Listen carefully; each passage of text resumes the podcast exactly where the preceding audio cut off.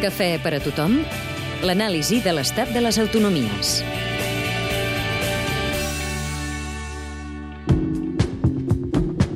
Castella-La Manxa.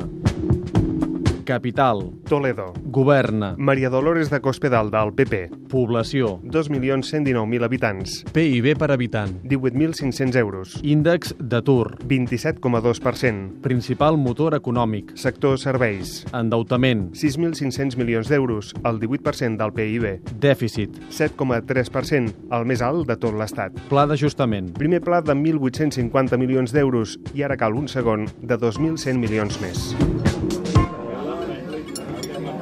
¿Qué le debo por el café solo?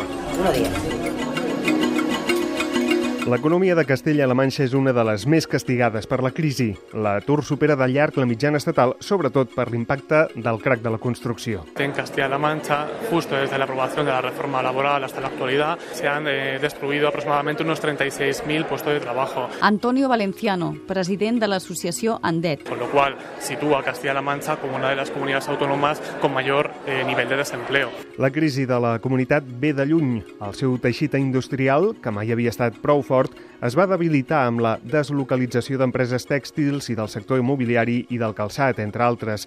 I amb els anys de vaques grasses, la construcció agafa molta embranzida. A principis del segle XXI, el miratge dels castellano-manxecs ja no eren els molins de vent que van enlluernar el Quixot, era el miratge d'un creixement infinit a remolc de la Comunitat de Madrid. José María Calvo, secretari general de les cambres de Castella-La Manxa. Los desplazamientos de mano de obra de autobuses a trabajar a la zona de Madrid se hacía por centenares de autobuses desde centenares de kilómetros de Madrid. Per acabar-ho de rodonir, arriba la primera intervenció bancària d'aquesta crisi. Bon dia, són les dues. Normalitat absoluta aquest matí a les oficines de Caixa Castella-La Manxa l'endemà del rescat del govern espanyol. L'impacte a l'economia regional és demolidor. Fue un punto de inflexión porque eh, el grado de implicación de Caja Castilla-La Mancha con eh, las empresas regionales, con los proyectos de todo tipo, ¿no? había sido muy grande.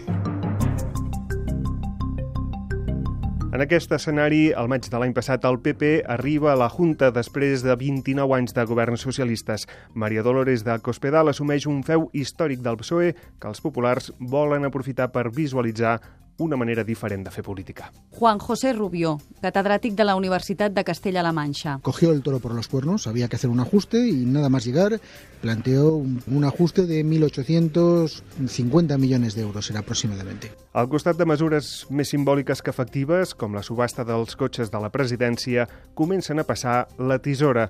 Dos mesos més tard, les farmàcies es declaren en peu de guerra. Se vivió muy mal este verano María Dolores Espinosa, presidenta de la patronal farmacèutica de Castella-La Manxa. hasta que bueno pudimos conseguir financiación bancaria y bueno pues eh, a día de hoy o sea nos debe el medio año del 2011 A Sanitat i Educació, els ajustos comporten agrupar els centres d'atenció i les escoles dels nuclis menys poblats, en una de les comunitats més disperses i amb un 80% dels municipis de menys de 1.000 habitants. Se vive con mucho desasosiego toda esta situación porque eh, estamos padeciendo la tijera sin saber qué traje es el que se nos va a hacer. Però les tisores no s'han aturat encara. És la comunitat amb més dèficit i l'esforç per complir els objectius de reducció serà titànic. Que la comunidad autónoma tiene que hacer casi el 15% del ajuste total del conjunto de las comunidades autónomas para un peso específico de su Producto Interior Bruto respecto al nacional del 3,5%. O sea, un ajuste, eh, yo diría que brutal La Junta de Castella-La Manxa ha declinat participar en aquest reportatge, però tant des de les universitats com des de les cambres aposten per aprofundir en el model autonòmic i rebutgen les propostes recentralitzadores.